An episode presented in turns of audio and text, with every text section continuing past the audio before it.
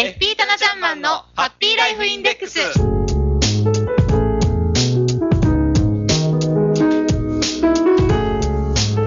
FP タナちゃんマンのハッピーライフインデックス。この時間はあなたの夢と未来をトータルサポートするライフサポート有限会社の提供でお送りします。私たちと一緒に明るい未来、幸せな生活になるためのマネーライフを考えてみませんか？タナちゃんマンから幸せになるメッセージも届けてくれますよ。さあ、ぜひあなたからの疑問、質問も受け付けています。宛先はメールアドレス fm768 アットマーク p-wave.ne.jp fm768 アットマーク p-wave.ne.jp です。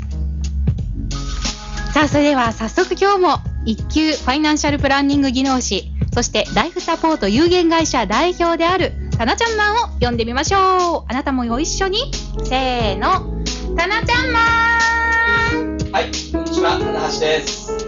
今日もよろしくお願いします。よろしくお願いいたします。さあ、タナちゃんマンとの番組、えー、私はね、10月からこのイブニングウェーブ、夕方担当なんですけれども、はいえっ、と、10月になってから、先週ちょっとね、お休みをいただいてしまって、ええー今日はタナちゃんマンとこの時間に会うのが2回目2回目ですね。はいとなってましてね、なんだかまだまだ新鮮味がすごく私あるんですよ。若干緊張感もありつつで。そうですね、私はまだちょっと、タナちゃんマンはど緊張されてます？もうずっと緊張してますよ。そうなんですか、はいもう1年経ちましたけどね、まだ未だにやっぱり緊張してます。そうなんですね。なん、はいなんだかね、あの、タナちゃんマン、緊張してるといつもね、今までもはいお昼の時間帯もおっしゃってたんですけども、そんな感じが全然。しなくて。はい。はいドキドキです。もう心臓が口から飛び出すようなぐらい緊張しておりますけれども。そうなんですね、はい意外な感じがいたしますが。はいでは、今日も早速、えー幸せになるためのマネーライフに関するお話をはい。お願いしたいと思いますが、今日はどんなお話を？今日はですね、最近ちょっと世間を騒がしておりますね、あの、この景気といいますか、暴落、えー、全てにおいての暴落ですね、株価もそうですし、えー保険会社の破綻もありましたし、ちょっとお話をしていきたいなというふうに思います。はい。本当にね、なんだか過去最悪と言われていることの、なんだか状況になってますよね、世界的に。ね、はい、世界的に、えーアメリカでね、えーリーマンブラザーズのが破綻をして、それからが破綻をしてですね、AIG グループのお破綻危機ですね、危機で救われましたけれども、えーそれに引きずられるようにですね、日本の生命保険会社も先週1社破綻しております。そういったね、あのー皆さんも不安になっていらっしゃる方も多いと思うんですけれども、えーそういったお話をね、ちょっと解説していきたいなと思うんですが、まず、よく最近ですね、えー受ける質問が、生命保険会社が破綻したら一体どうなっちゃうのかということなんですが、えー生命保険会社が破綻したからといってですね、えー保険金、保証される保険がですね、全くゼロになってしまうというわけではありません。えー責任準備金というですね、生命保険につきましては、えー責任準備金というのを積み立てはしているんですけれども、責任準備金の90%以上保証されるということになっております。でただですね、えー貯蓄性の高い商品っていうのは、えー削減される率が高いということなんですが、え責任準備金の中でもその予定利率の高いものであったりとか、そういったものがですね削減される確率が高いというふうになっております。はい。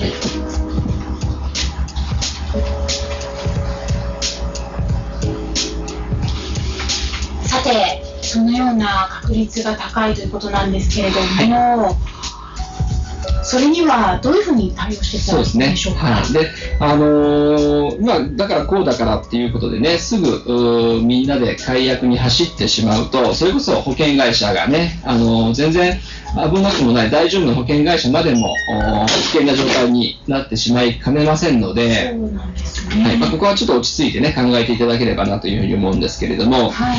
じゃあその私が入っている保険会社は大丈夫なのかどうなのか、その判断がそうですね。わからない。じゃあどこで判断するのかっていうことなんですが、えーよく言われていますのが、あの格付けって言われるものですよね。格付け。はい、あのこれは本当に、えー皆さんご存知の方が多いと思うんですけれども、えートリプル A だとかダブル A だとかですね、その A とか B とかいっぱい並んだものですね、格付けというんですけれども、格付けを見るとかですね、えーあとソルベンシーマージン比率と言いまして、はい。それまたちょっと難しいそうですね。感じがしますけれあのこれはですね、えー保険会社の、はい。えー保険金の支払い能力、支払い余力っていうんですかね、支払い能力がどれぐらいあるのかという指標です。はい。で、えーでまずその格付けの方なんですけれどもええ、格付けはどう見るのかなんですが、はい。えーまあ、格付けと言いますと、格付け会社っていうのが、かえー民間の会社がですね、格付けをしてるんですけれども、そういうあの判断をこう審査をするような会社そうですね、審査する会社ですね。ははいい。それが、えー大きいところでいきますと、アメリカの S&P 社というのと、ムーディーズっていう会社があります。で日本の国内にもですね、えー格付け会社というのがあるんですけれども、日本国内の格付け会社で有名なところでいきますと、R&I という会社があります。はい。はい、こういったところがですね、そのお保険会社をはじめとする金融機関というのを格付けをしているんですけれども、そのできれば A がたくさんついているところ、まあ一番格付けの高いところが、えートリプル A っていう格付けなんですけれども、A がたくさんの方がいいそうんですよですねね。。A が3つって一番高い格付けです。はいで、次に高いのが WA と言いまして、A が2つなんですが、はいこの WA でもですね、その WA の中に3段階またあるんですね。そうなんです。はいよくあのトリプル A は3段階にないですね。トリプル A は1つ。そうですね、一つだけ。はい。で、その下が WA ですが、これは3つに分かれていて、はいこれがあ WA のプラスというのと、はいえー WA、その下に WA のマイナスっていうのが、うんこんな風にですね、はいえー WA から下は、えープラスとかマイナスとかいうのがついてますので、はいできればプラスの方がいいですよね。そうですね。うんはいでじゃあこのおー A とか B とか C とかあるんですけれども、はいどれぐらいあれば安心なのかそということなんですが、のなかなか判断基準が難しいそうですね。ど。はい。一般的には、えー、WB ですね。はい WB 以上であれば安心だというふうには言われております。はい。で、えーまあ、その破綻するリスクっていうんですかね、えーそうん、がどれぐらいなのかというとですね、まあ、WA 以上であればですね、10年以内にデフォルトする、まあ、破綻するリスクというのはほぼゼロに近いあと言われています。で WB でもですね、はい10年以内の、おー以内にデフォルトするリスクというのは1%に満たないようなイメージだと言われております。はい。はい。ですね。なるほど。じゃあ WB 以上を目安にというこそうでとがすね。いいんでしょうかね。はい。はい。で、もう一つ見る指標がですね、先ほど言いましたソルベンシーマージン比率なんですが、はいソルベンシーマージン比率はですね、えーその保険金の支払い余力ですので、例えば、えー一度にたくさんのお保険金の支払いが発生したときに支払いする能力があるのかどうなのかというのを、まあ、見るような指標っていうふうにまあ単純に思っていただければいいんですけれども、はいえーこのソルベンシーマージン比率が200%以下になると、その保険会社は危ないよっていうふうになるという指標と思っていただければいいと思います。はいでじゃあそのソルベンシーマージン比率が200%以下になるとどうなるのかというとですね、うん金融監督庁の方から、えー業務改善命令が出されます。はい。で、えーひどくなると業務停止命令まで出ちゃうという、そうねいった指標ですのでね、その辺があの見ていただければと思います。はい。で、あのー先週破綻した大和生命がですね、じゃあどれぐらいのおソルベンシーマージン比率があったのかということなんですが、はい。実はこれ発表されてなかったんですよ。あ、そうなんですか。ははいなぜ隠していたという隠していたというかですね、計算できなかったんでしょうかね。あのー3月期決算ではですね、550%程度ですね、で、あの、発表されてたんですけれども、第一四半資期、料提供していなかった。そう、支払い制御ですね、決算されてなかったんですよね。第一四半期以降、されていなかったということで、はい表に出てなかったんですね。ということで、あのーこういった情報を集めれば、その保険会社が大丈夫かどうかっていう判断につながると思います。なるほど。はい。今、例に出たところではね、あの確定してないけれども、9月末、見込みでは26.9%じゃないかという説明も。そうですね。ははいい。今日の週新聞にね、載っておりましたよね。ははいい。じゃあ、この、おずっとお話ししてきました格付け、それとソルベンシーマージン比数、どうやって調べるのかっていうことなんですが、知らない方が結構多いんじゃないかと。そうです。ね。はい。あの、各保険会社、あるいはもうどこどこでもそうなんですけれども、はいえーホームページで載っております。保険会社のホームページももちろん発表されておりますし、えー日本生命保険文化センターとかですね、生命保険協会っていうホームページもありますのでね、そういったところでも発表しておりますので、そういったところで見ていただければいいのかなというふうに思います。はい。はい。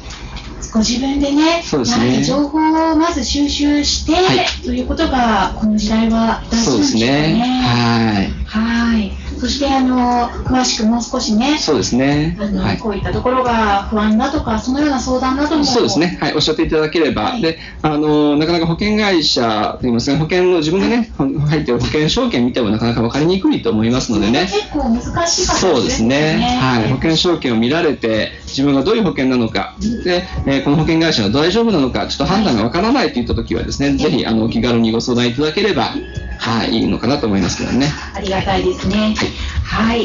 今日は、えー今の経済情勢、そうですね。ね、はい。気になっている方が多いと思います。それで、でもね、今日もか株もね、すごく下がってますのでね、はい。そのようなお話を少し身近なところから、はい、していただきましたけれども、はい。さあ、役に立っていただけたでしょうか？ライフサポート有限会社のホームページ、えーこちらもぜひ、えーご覧ください。はい実は今日は10月でリニューアルしてから3回目はいのこのハッピーライフインデックスなんですけれども、はい過去の放送分、えー10月の前の分もありますし、そうですえー今のね、過去10月になってからの分も、その前の分もお聞きいただけますよね。はい。はい、こちらもぜひ合わせてご覧いただきたいと思います。はい過去の放送分、復習の意味でもぜひ聞いてみてください。さあ、ハッピーライフインデックス、えーこちらへもぜひあなたのご意見もお寄せいただきたいと思ってます。えー宛先は、ライフサポート有限会社の、えーホームページも見ていただいていろいろ見ていただきたいですが、まずはこの FM ポートウェブのメールアドレスへとお寄せください。はいそうすると番組でも取り上げさせていただきます。はい。宛先は fm768-p-wave.ne.jp fm768-p-wave.ne.jp です。お待ちしています。はい。さあ、あとはライフサポート有限会社ホームページは、検索エンジンでタナちゃんマンと検索するとすぐ見つかりますよね。ですね。はい。はい、このタナちゃんマン、ちゃんだけひらがなで書いてくださいね。FP タナちゃんマンのハッピーライフインデックス。この時間はあなたの夢と未来をトータルサポートするライフサポート有限会社の提供でお送りしました。それではまた来週この時間にお会いしましょう。ありがとうございまはい、した。失礼いたします。